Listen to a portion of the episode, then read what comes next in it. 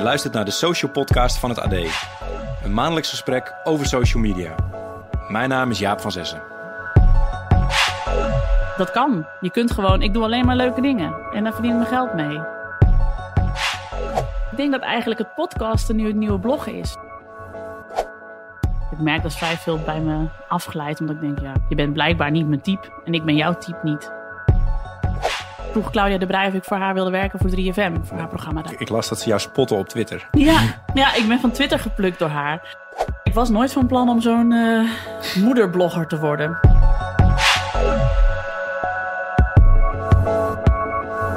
Welkom bij de vierde social podcast van het AD en de regionale titels. Deze podcast heb ik thuis opgenomen in mijn eigen woonkamer met Nienke de Jong. Ze is AD-columniste en woont net als ik in Utrecht. Dus ze kwam op de fiets aan, stapte binnen en ik vroeg eigenlijk hoe ik hem moest introduceren. Want ze doet ontzettend veel ook naast het AD. Als ik, eh, als ik moet vertellen over mijn werk, dan zeg ik inderdaad als eerste dat ik columniste ben. En daarnaast heb ik twee boeken geschreven over sport. Vrouw en fiets en Vrouw kijkt sport. En heb ik altijd veel over wielrennen geschreven. En dat is nu iets minder. Ik ben bijna twee, nou, anderhalf jaar geleden moeder geworden. En eh, het grappige is dan eh, dat mensen dan ook meteen naar je toe komen van... eh, oh, kun je ook daar eens over schrijven? Ja. Dus ik ben nu ook columnist bijvoorbeeld voor Viva Mama. En ik maak ook een podcast en die heet Ik ken iemand die. En dat gaat ook over baby's, kinderen, zwanger, opvoeden. Dat Ja. soort dingen.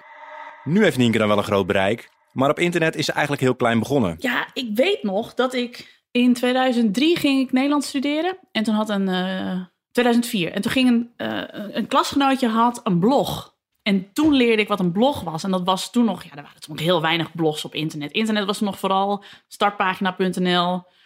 En eh, ja, recepten opzoeken of zo. Of eh, politieberichten. Dat soort dingen. En een paar blogs. En zij had er eentje. En toen legde ze me uit wat het dan was. Dat je dan gewoon een plekje op internet had waar je alles kon schrijven. Toen dacht ik, shit, dat is wel heel leuk. En toen ben ik een blog gestart. En dat was eerst echt voor drie man en een paardenhoofd. En uiteindelijk kom je er dan dus via de, het aantal lezers achter... dat er ook mensen bij zitten die niet je moeder zijn of, of je tante Els. Dat, dat er ineens mensen le- meelezen die dat, waar, ja, en waar je dan ook contact mee krijgt. En dat je ook onderling met andere bloggers weer contact krijgt. En dat werd een heel leuk mini-universumpje of zo. En nog de voorloper van social, want toen had Ja. je net Twitter misschien of ook nog niet. Nee, toen was Twitter nog helemaal niet. En Facebook was ook nog niet Hives was toen. En had je toen een onderwerp waar je over blogde? Altijd over mijn, mijn leven. Het ging alleen maar over mijn leven. En ik werkte toen als portier in een bejaardentehuis hier in Utrecht. Dus eh, daar ging het vaak over. En het ging ook heel vaak over... Ik ging weer dronken in de kroonluchter gisteravond. Of ik ging Ja. sporten en het ging weer fout. Want ik ben in slaap gevallen op het yogamatje. Weet je, dat soort dingen. En hoe bouwde je publiek op dan? Dat ging echt zo via via. En dan, toen was je nog heel blij, de oma vertelt... als dan Ja. een andere blogger jou in zijn linkerlijstje zette... van Oh ja. dit zijn ook leuke blogs. Dan was ik helemaal... "Oh." En als dan een, groot blog dat deed... ja, dan had je er ineens weer heel veel bij. Ja, zo werkte dat toen. En dat was dan ook dat je dan in de reacties met elkaar sprak. De reacties op de blogs, dat was een soort van Twitter avant la lettre. Ja. Daar kreeg je hele gesprekken met mensen over wat je nou weer had meegemaakt. Toen was er een keer een blogwedstrijd voor FIFA. En daar heb ik toen aan meegedaan en die won ik. En Toen mocht ik ineens voor FIFA.nl gaan schrijven. Toen had je ineens een podium. Ja, toen werd het wel anders. Want dan had je, heb je ineens eh, heel veel lezers erbij die jou niet kennen. Die moet je, moet je allemaal leren kennen. Ja. En ook heel veel vrouwen met een enorme mening. Want dat FIFA-forum, dat is voor sommige mensen echt een soort van levenslijn of zo. Dat, eh, daar wordt heel zwaar... En daar worden echt heel veel beslissingen ook gemaakt hè, en alles overlegd. Ja, ik kreeg Ja. wel helemaal vrije hand in eh, wat, ik, wat ik schreef. Ja. Maar ja, toen kreeg ik ook ineens dan wel negatieve reacties. Die had ik op mijn oude blog helemaal niet. Want Nee. mensen, als ze het niet leuk vonden, lazen ze het niet. Het was een hele lieve omgeving. Daar leer je dan ook weer heel veel van. Want je leert dus ook van, je kunt niet iedereen te vriend houden. En daar heb ik nu, nu ik schrijf voor het AD, ook heel veel profijt van. Ik merk dat vrij veel bij me afgeleid, omdat ik denk, ja, je bent blijkbaar niet mijn type en ik ben jouw type niet. Dat was ook omdat ik op een gegeven moment voor FIFA.nl blogs begon te schrijven over Boer zoekt vrouw. Elke keer na de, na de aflevering maakte ik dan een verhaaltje over de aflevering. En dat sloeg onwijs aan. Dat had ik in het begin helemaal niet door. Maar dat werd hartstikke goed gelezen. En dat, dat was heel grappig, omdat het eigenlijk vaak niet eens zozeer over de aflevering ging. Ik meanderde daar ontzettend omheen en haalde het liefst zoveel mogelijk obscure weetjes erbij. Of, eh, of dan legde ik verbanden met eh vooroorlogse minister-presidenten of oude boeken of weet ik veel. Gewoon Ja. om het een beetje eh, raar te maken. En dat werkte heel goed. En dat heb ik heel lang nog gedaan, ook nog voor Viva en later ook nog voor mezelf. Ja, omdat je dan dit klinkt een beetje pathetisch hoor, maar ik kreeg dan op een gegeven moment kreeg ik mails van mensen die zeiden, je mag niet stoppen hiermee, want ik lees je altijd tijdens mijn chemokuur. Holy shit. Ja, dat je, en ik stond toen net op het punt van, ja, ik vind het eigenlijk niet meer zo leuk, maar ik denk, ja, je gaat toch iemand niet zijn lol tijdens een chemokuur afnemen? Dan doe je, je doet je best maar even, die jong. En dat werd dan opgepikt en dan zat je bij de Wereld Door. Of was dat Ja. later? Ja, toen eh, op, een ge- op een gegeven moment zeiden ze bij DWDD... Ja, daar willen ze dan ook altijd een beetje kijken. Eh, Ik was dan toen al een beetje in de picture als tafeldame. En dan willen ze even kijken van hoe ben je op tv. Ja. En dat kon heel goed met napraten over Boer Zoekt Vrouw. En dat deed ik dan ook met Claudia, want die keek ook. En met Katinka Polderman, cabaretière. ja. En dat, dat werkt hartstikke goed. Ja. En zo rolde ik door naar tafeldame. En nu... Zo ben je van blogger ineens eh, Ja, op tv. En een tv is dan ineens wel een podium. En dan eh dat is dat toch wel apart, denk ik. ja, is weer een hele andere wereld. Ja. Toen heb ik ook voor Paul de Leeuw gewerkt een seizoen lang. Ja. Zo eh, doe ik nu van alles eigenlijk. ja, dat is wel tof van wat je leuk vindt. Eigenlijk van bloggen naar nu allerlei Ja. dingen die je gewoon vet vindt. Ja, ik weet nog dat Arjen Lubach heeft een keer in een interview gezegd van dat mensen altijd toen hij nog in Groningen woonde in zo'n klein dorpje dat zei van ja weet je wat jij wil zeg maar van alles wat dat kan niet je moet gewoon een vak leren en want je kunt nooit je geld verdienen met alleen maar leuke dingen dat kan niet Ja, ja. en toen ha- haalde hij een nummer twee notering met dat liedje wat hij, Ja. van Eminem wat hij had eh, gepersifleerd toen kon hij daar een jaar van leven van de optredens en van de royalties toen dacht hij, oh, dat kan dus wel. En dat heb ik altijd in mijn achterhoofd gehouden van, eh, dat kan. Je kunt gewoon, ik doe alleen maar leuke dingen. En daar verdien ik mijn geld mee. Nou, dat kan. Hoe zie je bloggen nu? Het zou nog best wel weer eens terug kunnen komen. Maar ik denk dat eigenlijk het podcasten nu het nieuwe bloggen is. Dat je weer een soort van omgeving hebt waar je je verhaal kwijt kunt. Waar mensen de tijd nemen om daarnaar te lezen. Of dat te lezen en nu dan te luisteren.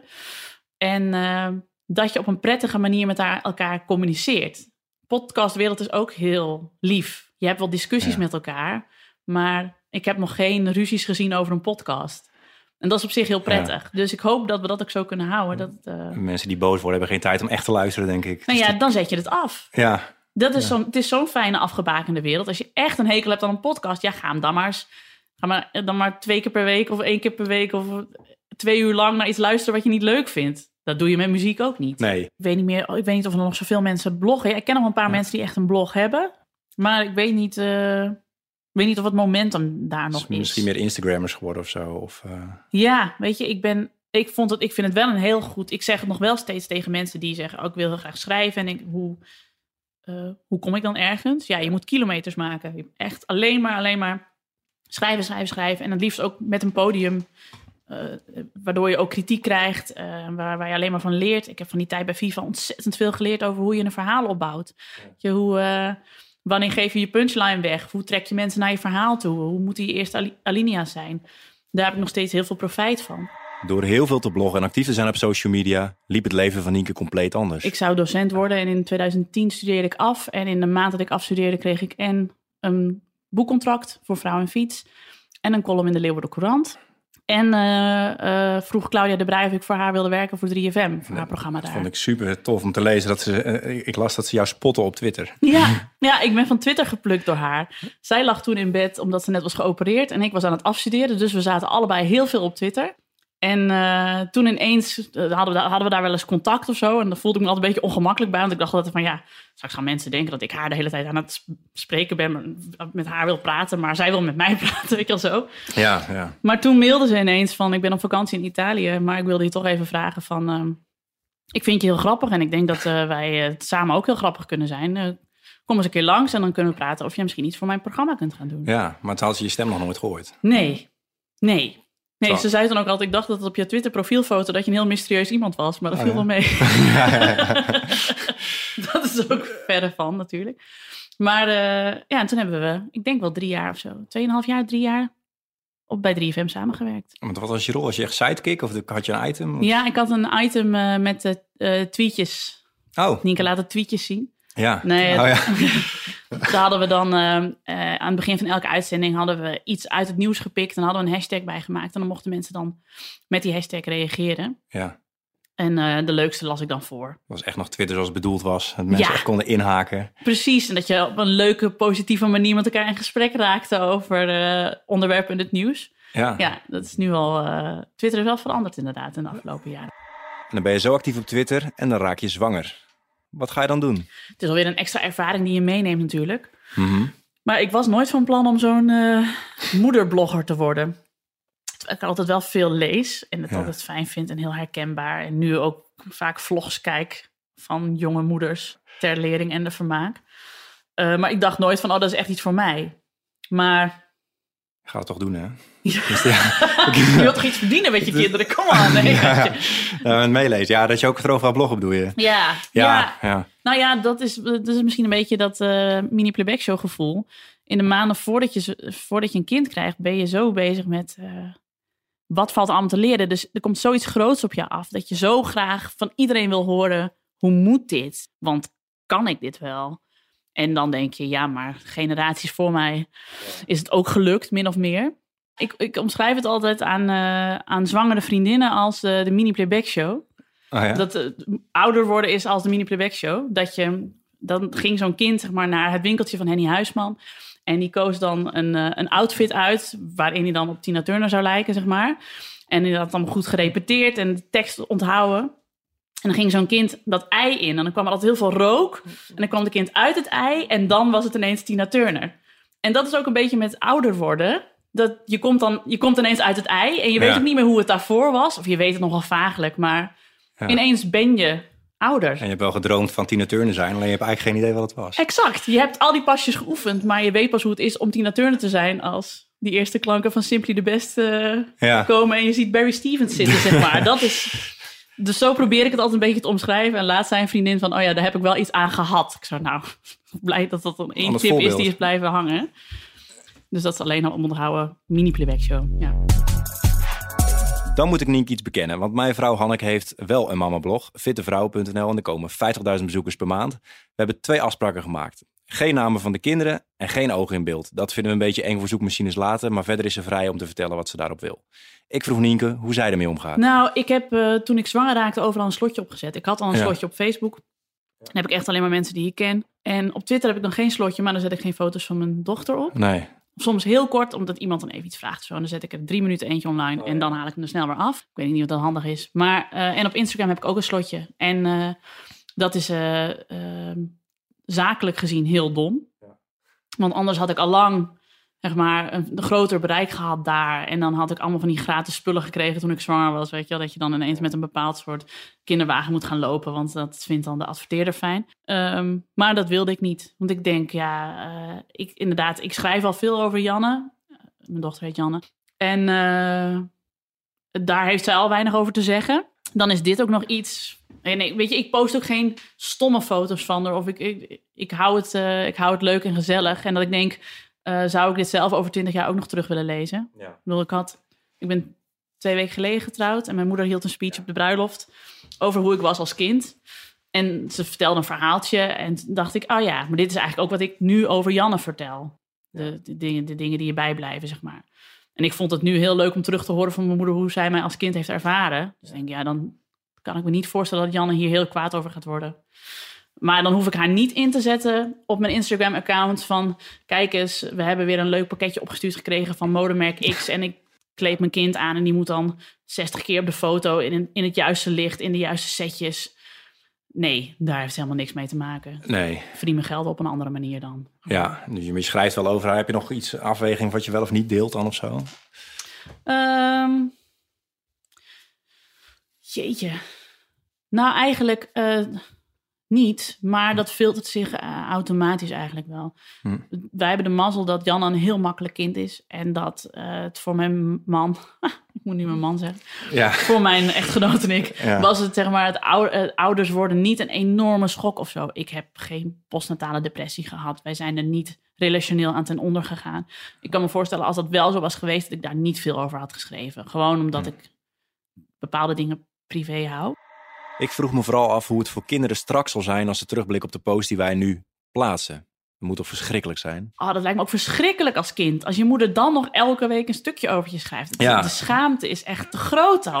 Dat je op het schoolplein komt dat ze zeggen... Oh, Ja, Oh, wilde je gisteravond weer niet je nasi opeten? Oh, beter, je moeder zegt dat je een vervelende puber bent. het gaat al veel sneller dan je twaalfde komen natuurlijk. Ja, Daarom, dus daar moet je gewoon eh, op een gegeven moment echt mee ophouden. Ja, en, dat, dat, dat ik ook van die beauty, beauty vloggers, bloggers. Ja. Die eerste die begonnen, die zijn een beetje... Want jij begon ook in 2006 of zo, Ja. weet je. Die zijn nu rond de 30. Die waren toen 18, weet je wel. En Ja. die, die gaan nu ook een ander leven krijgen. Ja, ik bedoel, Miss Lipgloss is zo'n hele grote. Die had altijd inderdaad een beautyblog met... eh, kijk, ik test de rouge van de kruidvat. Die is al af. Die is, al- die is nu gewoon eh, lifestyle blogger. En die eh, fotografeert interieurs en die vertelt over haar psychische gesteldheid en zo. Veel leuker nu om te lezen. Ja? Voor jou nu wel, ja. Ja, dan denk ik, ah, goed dat je die switch Ja. hebt gemaakt. Ook omdat ze zelf zei van, ja, ik trek dit niet meer. Het is meer in het leven dan dit. Dus ehm, nee, ik vind dat Bram de Wijs, hij is vlogger. Hij werkt onder andere voor Kinderen voor Kinderen, voor de VARA, BNN VARA. En hij is ook vlogger en heel goed, want hij kan heel goed monteren. Dus hij maakt elke week een vlog over zijn leven.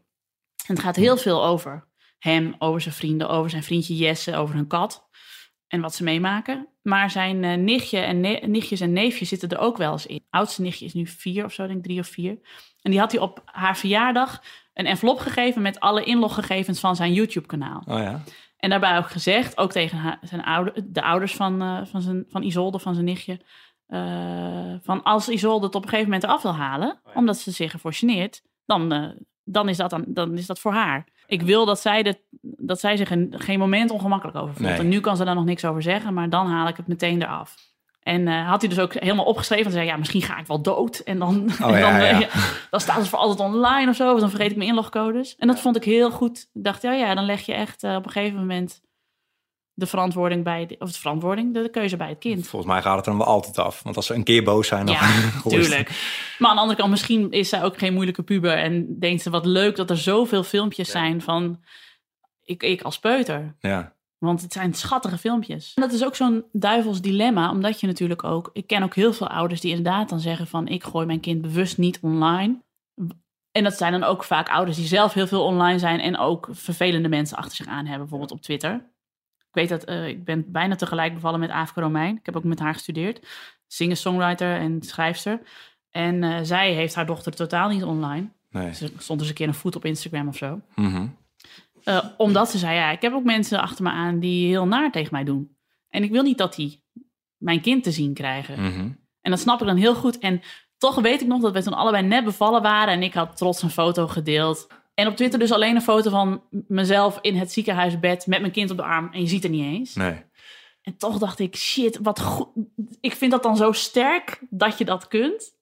Omdat ik dus weet van, ik eh, ben zelf te delerig. Dat, is- ik, dat ik dat zo nu en dan even wil delen met mensen. En dan wel met slotjes erop. Maar dan, dat het bijna voelt alsof die ouders beter zijn voor hun kinderen. Dat jullie het beter doen dan dat, dan dat wij het doen. Omdat ik zo nu en dan wel een foto online zet. Al is het alleen maar op Instagram waar ik een slotje op heb. Maar toch. Omdat je eh, de consequenties nog niet weet. En is het wel eens gebeurd dat iemand hem daar een screenshot van maakte... en dan bijvoorbeeld weer eh, online knalde, zodat je het toch kon zien? Nee, nee, gelukkig lekker. niet. Nee. Ik heb best wel kiezenkeurige mensen blijkbaar op Instagram zitten. Ja. Ik heb nog nooit iets vervelends aan En als mij. een eh, luisteraar jou wil toevoegen op Instagram... dan moet je toestemming geven, toch? Ja, en dan kijken of ik je ken. Ah, Oké, je gaat niet iedereen toelaten. Nee, nee, Ah, Oké, nee. En er zitten nog wel eens wat mensen van, van toen ik nog geen slotje had. ja. En daar heb ik ook weer wat van verwijderd en zo. Ja. Maar op Instagram mensen verwijderen is echt een helskarwei. Maar nu is Nienke zwanger van haar tweede kindje. Vertel je dat dan wel op social media? Eh, ja, daar hebben we het wel over. En, eh, maar het gaat ook een beetje natuurlijk eigenlijk. Dat hij ook weet van, ja, hij, hij wil het zelf ook graag vertellen. Hij zit zelf ook op Twitter en op Facebook. Dus hij wil ook graag vertellen dat we weer een kindje krijgen. Mhm. En dan is het inderdaad, het was wel bewust dat dat een foto was van ons tweeën. En Ja. waar niet mijn dochter bijvoorbeeld op stond. We hebben hele leuke foto's van de bruiloft waar ze ook op staat. Ja, Dat laat ik dan lekker. Ja. Eh, en dat mensen dan meteen zien, oh, ze heeft een buikje. Weet je, ja. Ik hoef er gelukkig niet zo mysterieus over te doen als Chantal Jansen, die echt niet moet gaan vertellen wanneer ze uitgerekend is. Want dan gaan mensen natuurlijk de hele tijd post met en- telelensen voor haar huis liggen om te kijken of ze al ontsluiting heeft. Daar heb ik gelukkig geen last van. Nee? Hm, Nee. Nee, maar dat is het inherent aan en niet heel erg eh, RTL 4 zijn en Mhm. eh, niet in Utrecht wonen. Hè? In Utrecht Ja. vindt niemand iets is heerlijk. Ik kan het elke eh, BN'er of semi-BN'er aanraden. Gewoon ga niet in Amsterdam wonen, weet je. Dan komt nooit iemand tegen. Oké, genoeg over kinderen, maar het blijft natuurlijk wel de social podcast. Even wat vragen over social media. Ik zat te kijken, ja, Instagram kan ik niet bij, eh, Facebook, ja, een paar accounts verschillende en Ja. zo. Ja. Eigenlijk is het alleen Twitter voor jou, of niet? ja, en ook steeds minder eigenlijk. Oké. Ik was in, inderdaad, in de begindagen van Twitter vond ik het altijd heel leuk. En toen was het inderdaad dus nog... Je kwam er mensen tegen met wie je van gedachten wisselde. En je leerde nieuwe mensen kennen. Met wie je een bepaald soort gevoel voor humor deelde. En dat was heel leuk. En je, kwam, je, je deelde leuke artikelen met elkaar. Ik leerde ervan. En nu vind ik Twitter ook heel veel eh, geschreeuw. En ik vind het heel veel... ehm, nou, er is weer een relletje van de dag. En daar springt iedereen bovenop Ja. en probeert daar of gevatte opmerkingen te maken of elkaar helemaal kapot te maken, ongenuanceerd. Mhm. Dat ik steeds vaker denk, joh, zoek het lekker uit. Dat ik zelf ook steeds minder post. Dat ik eh, voorheen hele tv-shows keek eh, met Twitter aan en dan met mensen het erover had. En nu nooit meer. Komt omdat je nou eenmaal een grotere account hebt, dat meer mensen reageren, of dat je iets bekender gezichten hebt, dat mensen... Dat Ja, je daarom dat hebt, of denk je dat ook als iemand met 20 jaar is en 10 volgers heeft, dat hij ook die ellende wel zo voelt? Of zo? Nee, ik denk dat het er wel mee te maken heeft. En dat is ook wel... ehm, sinds ik voor het AD schrijf, heb ik natuurlijk een groter bereik. En kom ik ook veel meer mensen tegen die het niet met mij eens zijn. En dat Ja. is prima. Ja. Uh, maar als je dan bijvoorbeeld hebt dat een andere columnist een column over jou schrijft en uh, of weet je, me- als iemand als Jan Roos of Annabel Nanninga dan iets over je zegt, dan weet je, daar komen dan weer heel veel mensen overheen die het met hen eens zijn en die jou dan de hele ochtend bezig kunnen houden op Twitter. Terwijl, waarom zou ik daar mijn energie aan verspillen? Ik wil heel graag een constructief debat met mensen aangaan. Ja. Maar ik hoef niet stil te blijven zitten en uitgescholden te worden. Het nadeel is, je zal het wel moeten lezen, denk ik. Of tenminste, je ziet het allemaal wel even. Ja, nou ja, ik heb heel veel mentions gelukkig uitstaan. En Oh ja. ik eh, negeer en blok me ook een slag in de ronde. Ja.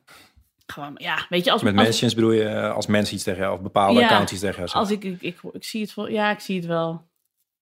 Ja, ik mis dan ook heel veel, omdat ik dan gewoon niet kijk. En eh, ja, als een anoniem ei met drie volgers je de huid vol scheldt, ja, dan blokkeer ik dat gewoon lekker. Weet je. En heb je dat geleerd in je Viva-tijd ook? Of, eh, Nou, toen was Twitter natuurlijk nog niet zo groot.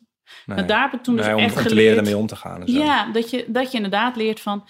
Wij, gaan het, wij zouden het in het echte leven ook nooit eens zijn. Hm. En eh, dat geeft niet. Ik had een laatste gesprek over met een vriendin... die ook veel online is en ook heel veel... eh, nou ja, kritiek kan krijgen. En die haalde toen een ehm, eh, citaat aan van... Dat was Oprah Winfrey, dat was een aflevering van Oprah. en daar was Maya Angelou te gast, de dichteres. En eh, toen had Oprah een soort verhaal over hoeveel kritiek ze kreeg. En ook op, de, op, op het feit dat ze een vrouw was en dat ze zwart was. En toen zei Maya Angelou, eh, bedenk goed, you're not in this. En dat, dat, daar bedoelde ze mee, de kritiek die je vaak krijgt, is niet per se direct op jou gericht. Dat is, iets, dat is kritiek op waar jij voor staat, op de groep die jij eh, representeert. Nou, dus op de huidskleur die je hebt, of op de, wat, welke zuidvruchten er tussen je benen hangen, zeg maar. Dat soort dingen. Dus het gaat niet specifiek om jou. Mensen haten niet jou als persoon. Ze haten, ja, het beeld dat ze van je hebben. Maar you're not in this. En dat vond ik zo'n goede uitspraak. Van, dan kun je jezelf er ook uithalen. Van, ja, schreeuw maar over mij. Ik weet waar het vandaan komt. Ik snap waarom jij het niet met mij eens bent. Mhm. Maar daar laat ik het verder ook bij. Ja. Ja, dan moet je dat. eh, ja, dat ik, het viel me ook op. Het AD heeft natuurlijk Euskan en, en jou als Ja. columnist. Ehm, allebei eh, begin 30 en zo. En die zijn ook opgegroeid met ja, dit fenomeen. Je moet er echt wel tegen kunnen, volgens mij ook. Ja, En ik denk omdat jullie allebei een beetje eh, uit die hoek komen, of in ieder geval begonnen zijn, dat je wel de kritiek, dat je het beter tegen kan dan iemand ineens die echt niet weet wat hem overkomt. Want als je Ja. net een accountje start en je begint allemaal mee te lezen. Ja. Ja, ik denk dat het wel fijn is als je er een beetje ervaring mee hebt. En dat je dat dus ook kunt filteren van... oké, deze kritiek neem ik wel ter harte en dit kan ik laten lopen. Dit bedoel ik niet respectloos hoor, maar meer van... Ja, natuurlijk. Ja, maar dat, ja. En het is eigenlijk, we hebben het nu over negatief, maar je kan natuurlijk een mega bereik. Je kan er heel veel mooie dingen mee doen natuurlijk. ja. Wel leuk om daar ook even bij. eh ja, het is ook te gek, weet je. blijft eh, toch leuk, hè? Ja, het blijft te gek dat je iets kunt eh, bewerkstelligen met een, met een verhaaltje, met een, met een column. En dat mensen zeggen, oh ja, zo had ik het nog niet bekeken. Of ja, zo voelde ik het ook, maar ik wist niet precies hoe ik daar woorden aan moest geven of zo. En eh, dat maakt het echt te gek. En dat maakt het ook te gek om te schrijven voor het AD, omdat je door het hele land gelezen wordt. En als je uh, aan het AD denkt, denk je dan aan krant of online? Of, uh... ik denk nu vooral nog aan de krant. Ja, de meeste mensen hoor. Ja. Nee, dat, geeft niks. Nee, ik doe dingen voor de site natuurlijk. Maar ja. Um, ja, er komen 2 miljoen gebruikers per dag op ad.nl. zijn er ook e extreem veel. Mm -hmm. Maar ik sprak Euskan, die zei ook van ja, de krant, dat is het wel. Ja, ook gewoon omdat ik daar nog een duidelijker beeld van heb van wie zijn de mensen die de krant lezen. Ja. Mijn schoonouders hebben een abonnement op het Brabants Dagblad. Ja. En uh, veel van hun familieleden ook. Dus als ik schrijf, dan zie ik om Harry en Tante Nanny voor me, zeg maar. Ja, ja, ja. van, oh ja, die lezen dit. Ja. En uh, uh, zo heb je dat ook met lezers van de Stentor of met PZC. En dat zijn ook vaak de lezers die je nog echt brieven sturen of zo. Of mails als ze het ergens niet mee eens zijn. En dan keurig onderbouwd van ik las in de krant dit en dit. Ben ik toch niet helemaal met je eens. Verder toch een heel prettige dag, weet je wel zo. Ja, ja. En uh, dus het is heel, ik vind het heel leuk om voor hen te schrijven. Omdat je daar een, een gesprek mee kunt voeren. Terwijl het eigenlijk online nog meer kan. Alleen... Om, omdat het online sneller uit de bocht vliegt of zo. En zijn dan jongere mensen of zo, jouw beleving? Ja, of... Uh, als je in de krant staat, ja, het is moeilijk om dit te omschrijven, maar een plek in de krant dwingt een soort van respect af of zo. Ja, ja dat... dat is, ja, van, dat, je bent een columnist in de krant. En Ja. ik denk ook dat mensen dan beter kunnen denken van, er zitten meerdere columnisten in een krant. Met die ben ik het wel eens en die hoef ik eigenlijk niet te lezen. Je, ik lees zelf ook vaak eh, de Volkskrant. En dan weet ik altijd, Shaila Sietelsing lees ik heel graag. En Bert Wagendorp lees ik graag. Want, eh, nou ja, Een paar niet. Nou ja. Nee, en er zijn ook heel veel columnisten van de Volkskrant waarvan ik denk, die heb ik echt, eh, ik vergeet dat ze voor de Volkskrant schrijven, zeg maar. Ja. En, eh, ehm, en online is het bijna, komen, stuiten mensen erop op de site of ze krijgen het doorgestuurd, alsof ze er dan meteen iets mee moeten doen, alsof ze er meteen een mening over moeten hebben. En dat hoeft natuurlijk niet. Nee. En dat is dus bij een krant fysiek makkelijker te doen, want dan sla je een pagina om en dan ben je, zit je alweer in een ander verhaal. En online zou dat eigenlijk ook zo moeten voelen, want je klikt het weg en je bent het kwijt. Ja. Maar werkt toch net anders voor mijn gevoel. Spreek je meer mensen die de krant lezen of die eh, columns online gelezen hebben of zo? Mm.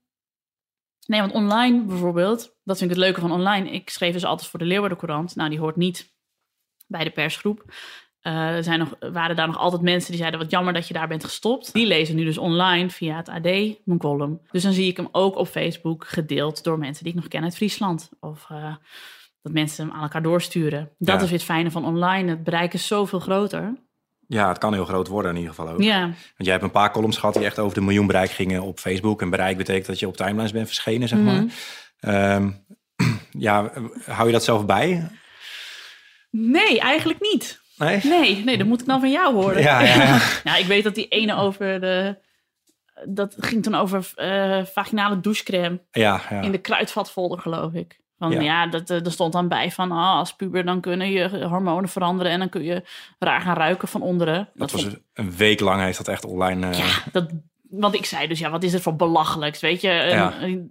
Je hebt op je 15 al zoveel dingen waar je druk om moet maken. En je je geneert je al dood voor van alles en nog wat. Ga het- de kruidvatfolder je ook nog een keer aanpraten dat je vagina stinkt. Ja, hou eens Ja. op. Ja, kijk, en ik weet als ik op, voor AD bijvoorbeeld iets plaats online, weet ik van tevoren, nou in 95% van de gevallen wat het gaat doen. Veel, of weinig bereik, dat soort dingen. Mhm. Weet je ook van als je hem inzendt, die column, dat je denkt, nou, dit gaat even een bommetje neerleggen. Dit zou wel eens inderdaad, ja, ik weet dat ik er eentje had waar ook heel veel negatieve reacties op kwamen. Dat was op een bericht in de Telegraaf en dat ging over een tsunami aan vluchtelingen, geloof ik. Of, eh, over de negatieve eh, woorden die de Telegraaf gebruikte om eh, het vluchtelingenbeleid te omschrijven. En dan gebruik je altijd dingen, woorden als plaag of tsunami, wat al impliceert van het is iets naars en je moet je er tegen weren. En daarvan zei ik dus van je moet niet onderschatten hoe eh, sterk die woorden zijn. En hoeveel Hmm. mee je daar het debat al mee stuurt. Nou ja, daar heb ik allemaal ingezonde brieven. En ook omdat mensen dan niet, ga, niet praten over waar het daadwerkelijk over gaat. Namelijk de kracht van woorden. Maar mensen willen met jou praten over vluchtelingbeleid. Wat niet mijn strekking was. Want ik snap ook wel dat heel veel mensen daar, wat dat betreft ook niet eens zijn met mij. En dat is prima. Dan weet ik al van, ik was daar zo kwaad over dat ik, de- ik zag het in de Telegraaf. Ik denk, verdemme, wat is het ook weer goor taalgebruik. Dan weet ik, ik schrijf erover, oké, morgen gaat even shit opleveren. Nou, kom maar. Want dan vind ik ook, je moet niet iets niet schrijven omdat je denkt, dan krijg je shit van. Als jij vindt dat het geschreven moet worden en als het je op, anders ben je ook gewoon een columnist van niks als je alleen maar de Ja. middenweg befietst. Daar heeft niemand iets aan. En het kan ook heel positief zijn. Ja, Dus je kan, maar dan is vooral Twitter openzetten en kom maar. Of hou je dan telefoon in de gaten en dan belt Jinek of... eh, ja maar je moet dan ook weer weer oppassen, hè. Ehm, dat je niet alleen schrijft over wat de rel op Twitter was.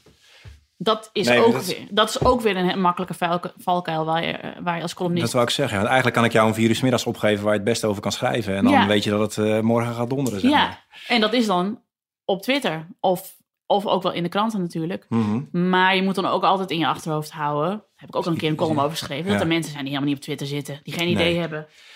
Weet je, Nee. mijn ouders lezen dat ook allemaal niet hoor. En die, die, dan kun je het beter hebben over... Wat was op het journaal? Of eh, wat is iets wat nog niet op het journaal was... maar wat je wel bezighoudt of Ja, en dan kijkt het journaal ook steeds meer van wat gebeurt er online. Het is natuurlijk best wel een wereld die elkaar versterkt. Ja, Want vroeger kon je niet meekijken bij Telegraaf.nl wat de beste gelezen artikelen waren. Maar tegenwoordig heb je dankzij Facebook zie je gewoon, hey, dit artikel gaat goed. En dan weet je gewoon, dit moet vandaag ook het best gelezen artikel van de, van de site zijn. Zeg maar. Dus je Mhm. krijgt ineens een inkijkje in de keuken wat bij een ander loopt. ja, En in 99% van de gevallen als Telegraaf iets brengt, het gaat hard. Zo, het is niet hoe we willen werken. Alleen als je het dan als AD ook brengt, dan gaat het bij het AD ook door het dak. ja. Want in dat- die zin kun dan, je heel veel voorspellen. dan, schrijf, dan, want dan, dan ehm, zeg je wel tegen het AD van... eh, jongens, eh, besteed hier even aandacht aan? Of? Nee, in principe komt het gewoon boven en je ziet wel van hé, dit gaat, gaat hard. En we hebben het bijvoorbeeld wel een stuk gebracht als heel klein stukje op de site. Je zegt, jongens, als we dit nou even op Facebook gooien, Ja, we hebben er toch al een stuk van. Als je dat stuk op Facebook zet, dan gaat het ineens heel veel mensen bereiken. En dat doet het dan ook, weet je wel. ja, En dat is best wel, ehm, ja, een- ja, het is best wel jammer dat het zo werkt. En daarom is gelukkig bij het AD hebben we al die regio's en zo. En heel Mm. veel regiojournalistiek. Waardoor je heel weinig hoeft te letten op wat anderen doen. Je kan gewoon de beste verhalen van Tubantia brengen en van Gelderlanden, weet je wel. Dat is veel Ja. leuker. En daar wordt het soms iets meer hard van Nederland van, zeg ik er altijd wel bij. mhm. Maar het zijn wel een beetje de lieve verhalen uit Nederland. Of in ieder geval de opvallende dingen. Dat vind ik wel heel leuk. Alleen je merkt ook met columns. ehm, als Euskan bijvoorbeeld, of jij een column schrijft die door het dak gaat op Facebook. Dan ineens zit Euskan s'avonds bij Jinek. Omdat, Ja. hij dan, eh, omdat ze gezien hebben, oh dit gaat hard online. Dus dan wordt hij gevraagd. Terwijl als hij normaal een column schrijft en je had geen Facebook gehad. Nee, Had hij er nooit gezeten. nee, nee, want ik bedoel, eh, tv-redacties, eh, ja, Ja, die hebben die tool ook. Die zien gewoon wat er gebeurt. ik wil ze niet, het zijn geen luie mensen, Nou maar ja. het is wel, je hebt het over de waan van de dag. En Ja. als je naar de waan van de dag wilt kijken, is het dus toch nog je eerste instinct om te kijken wat was de waan van de dag online. En dat, daar moet je soms wel mee oppassen, omdat het anders echt, echt ook te in-crowd randstedelijk wordt. Dat vond ik ook heel treffend bijvoorbeeld bij de gasboringen in Groningen. Dat dat heel lang een soort van regionaal verhaal was. En dat kwam helemaal niet in de media. En Groningen zijn ook veel te bescheiden om daar op de trom te slaan. Als Freek de Jonge zich ermee gaat bemoeien, dan wordt het interessant voor tv. En dat snap ik, want ik weet hoe redacties werken. En dan denk je, oh, we kunnen Freek hebben hierover. En dan wordt het ineens landelijk. En dan wordt het ineens echt de waan van de dag. Maar hoe, hoe kom jij als columnist eh, aan dat sentiment? Hoe weet je wat er leeft dan? Of, Ehm, ja, ik heb natuurlijk Twitter ook wel openstaan. Maar ik kijk ook veel dus inderdaad op online en regionale eh, sites. Weet je, Eh, ik Mhm. hou het eh Brabants Dagblad en de andere titels ook goed in de gaten. Van wat speelt daar dan? Maar ik probeer ook gewoon vaak een beetje uit te zoomen van... ehm, bijvoorbeeld nu met de hele MeToo. ja, ehm, ja. daar ging mijn column Vanochtend vandaag over. over, vanochtend ja, over. Ja. omdat ik dus op vakantie was toen het helemaal losbarstte. En ik toen nog dacht, wat, kan, wat moet ik er nu nog mee doen? Maar ik wil niet dat het verstomt. Ik vind het een belangrijke eh, Ja. ontwikkeling. En ik kan wel weer denken... Ik kan me dan al van tevoren indekken dat, dat mensen denken... oh jeetje, alweer een column over me doen. Ik denk, nee, we moeten het blijven roepen. En dat ik dus ook... Dan probeer je dus een, een invalshoek te pakken. En dat was bij mij nu mijn murfheid... die ik voelde bij al die verhalen van al die vrouwen... en eigenlijk ook een soort van murfheid... Ehm, Wat bedoel je precies met Murph? Ja, Murf, ja, Murf, afgestompt, dodelijk vermoeid. Maar ook vermoeid van de discussie? Of, eh, Nou, dus niet van de discussie, maar van alle verhalen die loskwamen. En hoeveel het er waren. En hoe vermoeiend het is dat je jarenlang hebt gedacht... ja, dat hoort er gewoon bij. De, weet je, hoe vaak ik wel niet in mijn tieten ben geknepen... of in mijn kont ben geknepen. eh, hoe, hoe je over straat eh, rijdt in het donker als vrouw. En dat ik, al- vooral toen ik nog studeerde en ik ging uit... Ja. s'nachts altijd zingend naar huis fietste. Omdat ik in mijn hoofd had bedacht... Ja, maar je gaat toch niet een vrouw die zingt op de fiets van de fiets sleuren? Een idioot idee, want als mensen kwaad in de zin hebben, doen ze dat toch wel. Maar eh, al die dingen maakten mij heel moe, omdat ik eraan dacht van hoe lang ik al leef. Dit klinkt zwaarder dan ik bedoel, maar hoe lang je al dus een soort van ehm, waakvlammetje hebt. Een soort van klein alweermechanisme, alertheid van kan ik dit doen, kan ik dit niet doen? En dan schrijf ik daarover. Zeg maar. Ja, en dan kun je natuurlijk wel dankzij krant en ook nog eens online bereik je gewoon echt miljoenen mensen met je column. Ja. Ehm, ja, dat lijkt me wel vet. Als je tenminste, ja. dat, eh, is dat lekker? Ja, dat geeft, ook een, dat geeft dan ook een verantwoordelijkheid. Maar dat Ja. is ook har- hartstikke fijn. En een onwijze eer dat, eh, dat ik die kans heb gekregen. En eh, dat ik het nog steeds mag blijven doen. Want toen ik begon, toen was net het hele AD met een restyling... eh, werd over de kop gegooid. En toen hebben ze best wel hun nek uitgestoken met nieuwe columnisten. Want ja, Eus en ik waren echt nog onbekende namen eh, in de krant. Ja, Ja, dan moet je wel het vertrouwen krijgen van eh, onder andere de hoofdredactie... dat ze dat jou dat podium gunnen. dat heeft Hans Nijhuis gedaan, denk ik. Ja, ja Hans heeft het Ja, gedaan. jouw introductieartikel, augustus 2016, heb ik even teruggelezen. Toen zei je van, ja, ik beloof dat de lezers mij beter zullen leren kennen. Ja, Is dat gelukt, denk je, na een jaar? denk het wel. ja.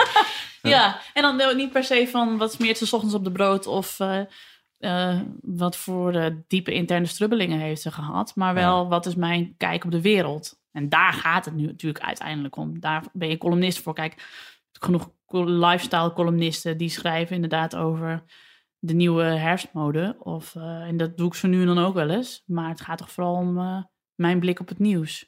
En ja, die heb je het afgelopen jaar wel kunnen leren kennen. En daardoor heb je dus mensen die, die je graag lezen en minder graag lezen. Maar dan ben ik, dat heb ik liever dan dat niemand, ja, dat je een column kunt. Ik weet niet of het kan, of je een column kunt tikken zonder eigenlijk je eigen duidelijke meningen in. Nee, dat kan niet. Nee. Dat kan niet. Daarom moet je ook wel zeggen, van ik heb een dochter, denk ik. Dat hadden Ja. we- had ik gisteravond ook over met, met Hanneke. Van, ja, je moet wel dingen vertellen over jezelf, anders ben je niet echt. En dan willen mensen je ook helemaal niet lezen of zo. Nee, nee, en dan blijf je altijd op de vlakte. En Ja.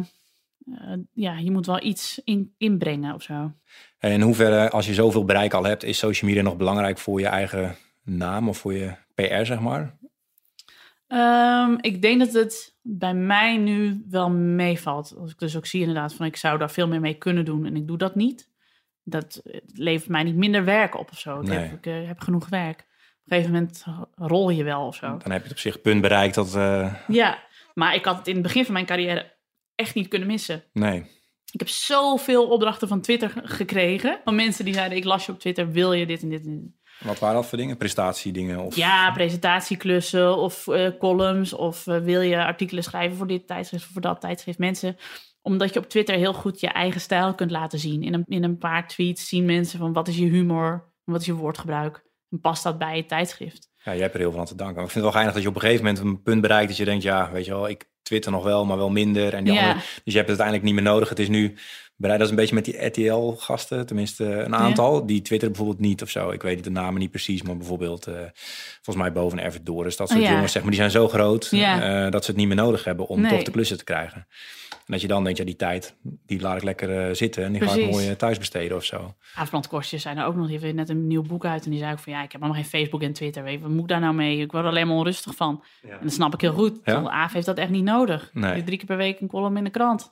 Ja, dat Ja. Oh, ook. heb ik ook? ja, ja. Ik heb het ook niet meer Je nodig. hebt minder nee. nodig. Ja, dat is eigenlijk zonde, weet je wel. We hebben eigenlijk wel die, eh, die voortrekkers nodig, een beetje. Ja, Maar ja, ja, maar misschien is het ook wel weer... eh, je gaat je weer profileren op andere terreinen. ja. Dus ik, dat, ik denk, podcast, dat, dat gaat gewoon tof. Ja, dat joh. wil ik een beetje nog even vragen. Want bloggen was 2006 een beetje, of tenminste die tijd. Ja, Nu is het podcast. Heb je tips voor mensen die eh, nu eh, jong zijn, de wereld willen veroveren en zo? Wat eh, start een podcast? ik denk het eigenlijk wel. Omdat je daar dus ook heel goed je eigen stijl kunt laten zien. En je kunt laten zien waar je voor staat of wat je interessant vindt. En eh, dat je met enthousiasme ergens over kunt praten. Of dat je een goed verhaal kunt vertellen. Of goed iemand kunt interviewen. Dat kan met een podcast ook. En als je, het een, laten zien. ja, maar als je een goede schrijver of schrijfster bent, ja, dan heb je eigenlijk podcast dan een beetje audio natuurlijk. Ja, dan moet je. Maar ik denk dat het nu. Dat zo werkt de media. Dat het ook fijn is. eh, eh, dat als je als schrijver. dat je verbaal ook goed bent. Als je niet op papier Ja, staat, zeg maar. Dat je het ook. Dat je het ook op radio en tv ook goed doet. Ja. Dat is toch. Dat is net als met muzikanten, weet je. Je kunt een hele goede muzikant zijn, maar het is ook leuk als je daar leuk over kunt vertellen op tv. En dat is ook zo leuk, want dat wil ik nog wel inderdaad even aanstippen dat ik ben een paar maanden geleden ben ik met mijn- mijn racefiets onderuit gegaan, heb ik mijn Ja. bekken gebroken. Oh. En ehm, dat vertelde ik toen ook op Twitter.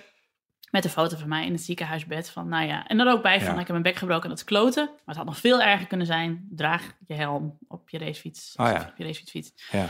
En toen, wat je dan ook ziet gebeuren, weet je, dat er mensen zijn die je al jarenlang online kent. Ik ken mensen al, al jarenlang online op Twitter, weet je, en dan deel je best wel veel met elkaar. Ja. Nou ja, ik kreeg van die mensen bloemen opgestuurd. Dat soort dingen. En kaartjes. En, eh, en mensen die je dan een berichtje sturen van hoe gaat het nou eigenlijk met je, weet je. Super lief. Dat is ook een community. En die, als, je, als je leuke mensen wil tegenkomen op Twitter, moet je gewoon de hashtag opfleur Twitter volgen. Op Fleur? Op Fleur Twitter. Oké. Nou, ja. mensen die zeggen, weet je, tegen alle narigheid en alle Ja. domme discussies. Gewoon Precies. leuke verhalen met elkaar delen. Ja. En plaatjes van honden met skibrillen op en zo. En gewoon weer de gezelligheid. En daar zitten mensen bij die super lief en attent zijn. En met wie je ook echt wel een band hebt. Ook al heb je elkaar nog nooit gezien. Nee, ja, dat is ook gewoon het leuke eraan Ja. natuurlijk. En had je met die bruiloft bijvoorbeeld ook nog tegen mensen gezegd... van jongens, alsjeblieft geen foto's online. Ja, Heb je nog tips voor mensen die gaan trouwen en dat ook eh, zeg niet... het. Geen foto's online. Ja, maar Gewoon ceremoniemeester vooraf of zo. ja, bij onze vriendin leidde de ceremonie s'avonds. Die zei van, ehm, maak maar geen foto's. Weet je, er is een fotograaf en die maakt prachtige foto's. En die gaan jullie echt helemaal... Wat krijg je anders ook? Weet je, Maar ja, dat is zelfs bij een concert of zo. Dat ik ook denk, jongens, ja, komen online toch veel mooie foto's. En Ja, oh, maar dat vind ik zo irritant. Dat mensen Ja. op Instagram van die Insta-stories dan een heel concert staan. te- bij het mooiste nummer staan ze te filmen. Ja. Geniet ervan. Weet je, bekijk het niet door je schermpje. Bedenk even wat het echt met je doet. En er komen altijd foto's online waarvan je later dan kunt zeggen... Ah, dat was echt gaaf. Maar ik vind dat ook inderdaad bij een concert. Ik stond laatst bij J.W. Roy. Die had zijn eh, jubileumconcert in de Effenaar in Eindhoven. Ja. Dat mensen dan de hele tijd met hun schermpje zo staan om alles aan te filmen. Nou, ik heb dan echt zin om het uit hun tengels te slaan. Ja.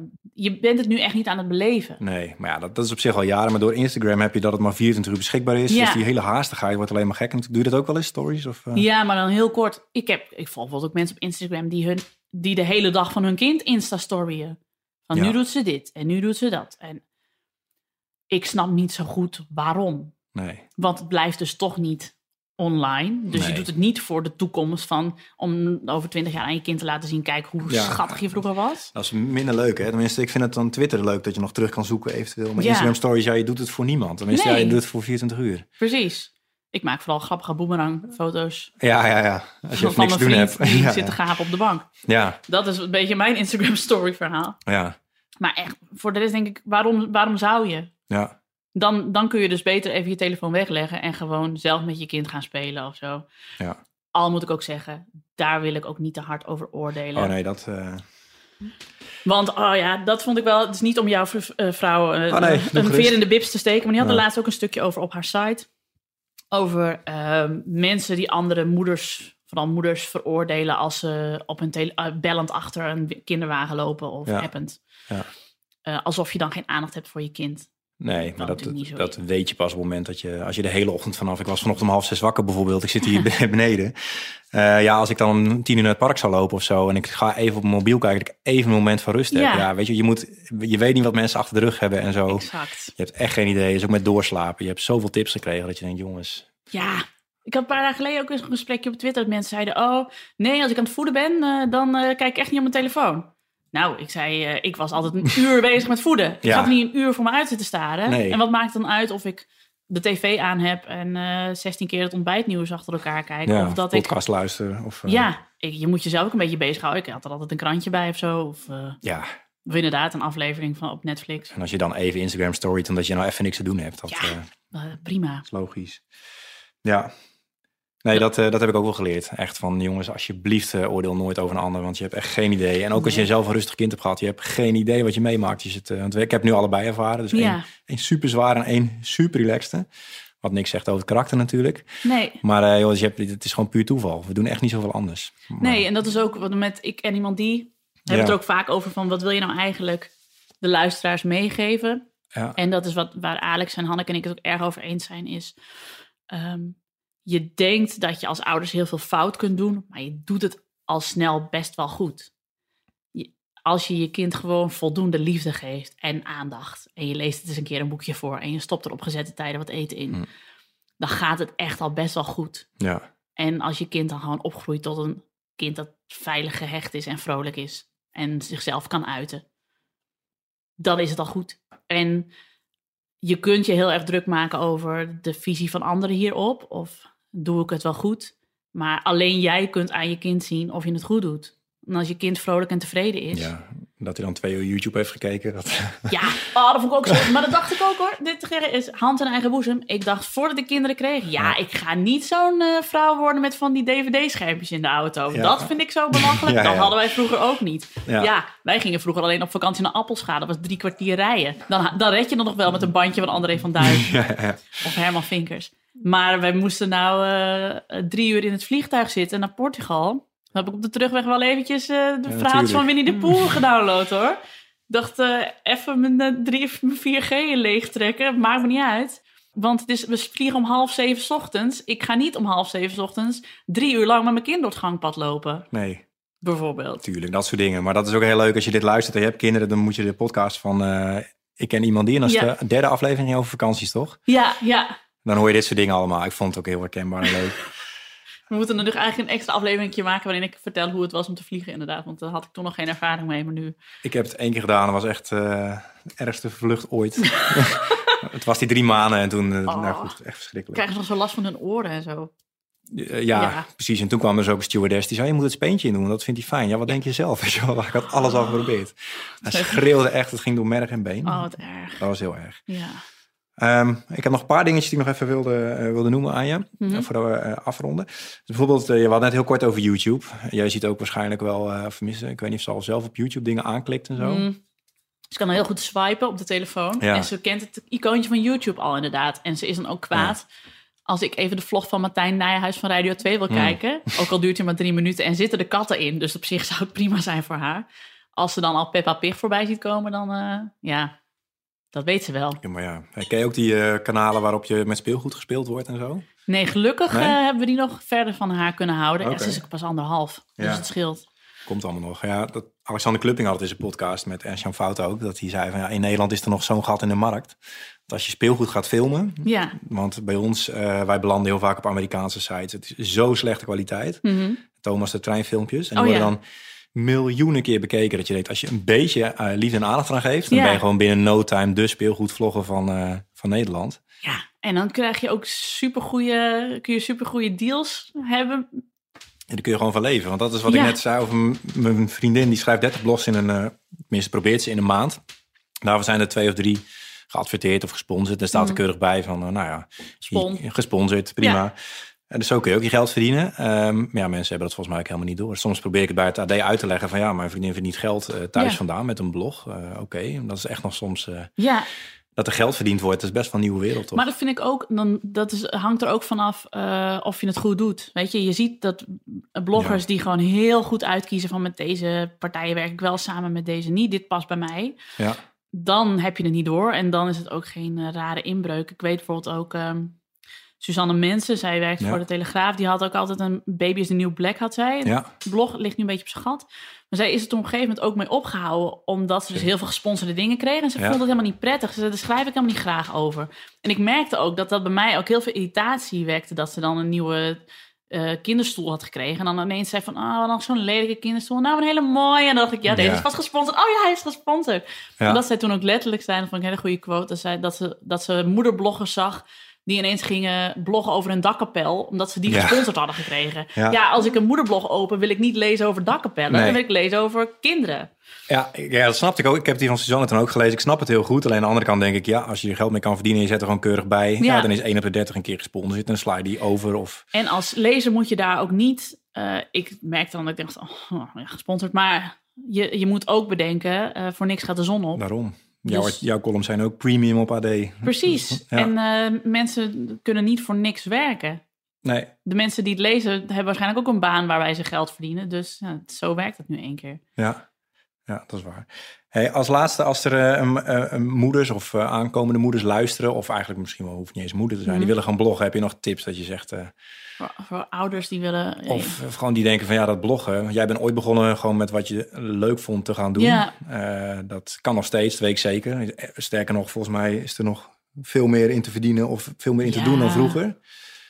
Een niche is wel fijn nu. Ja, Omdat eh, vroeger, toen oma begon met bloggen, toen had nog niemand een blog. Dus toen kon het nog gewoon gaan over je leven. dag één. Ik was, ik was portier in een bejaardentehuis en er was een bejaarde ontsnapt. Dag twee, ik was op een feestje en er waren alleen maar stomme mensen. En dat kan, u niet, dat kan u niet meer. Dan valt het niet meer op. Dan moet je heel goed kunnen schrijven, denk ik.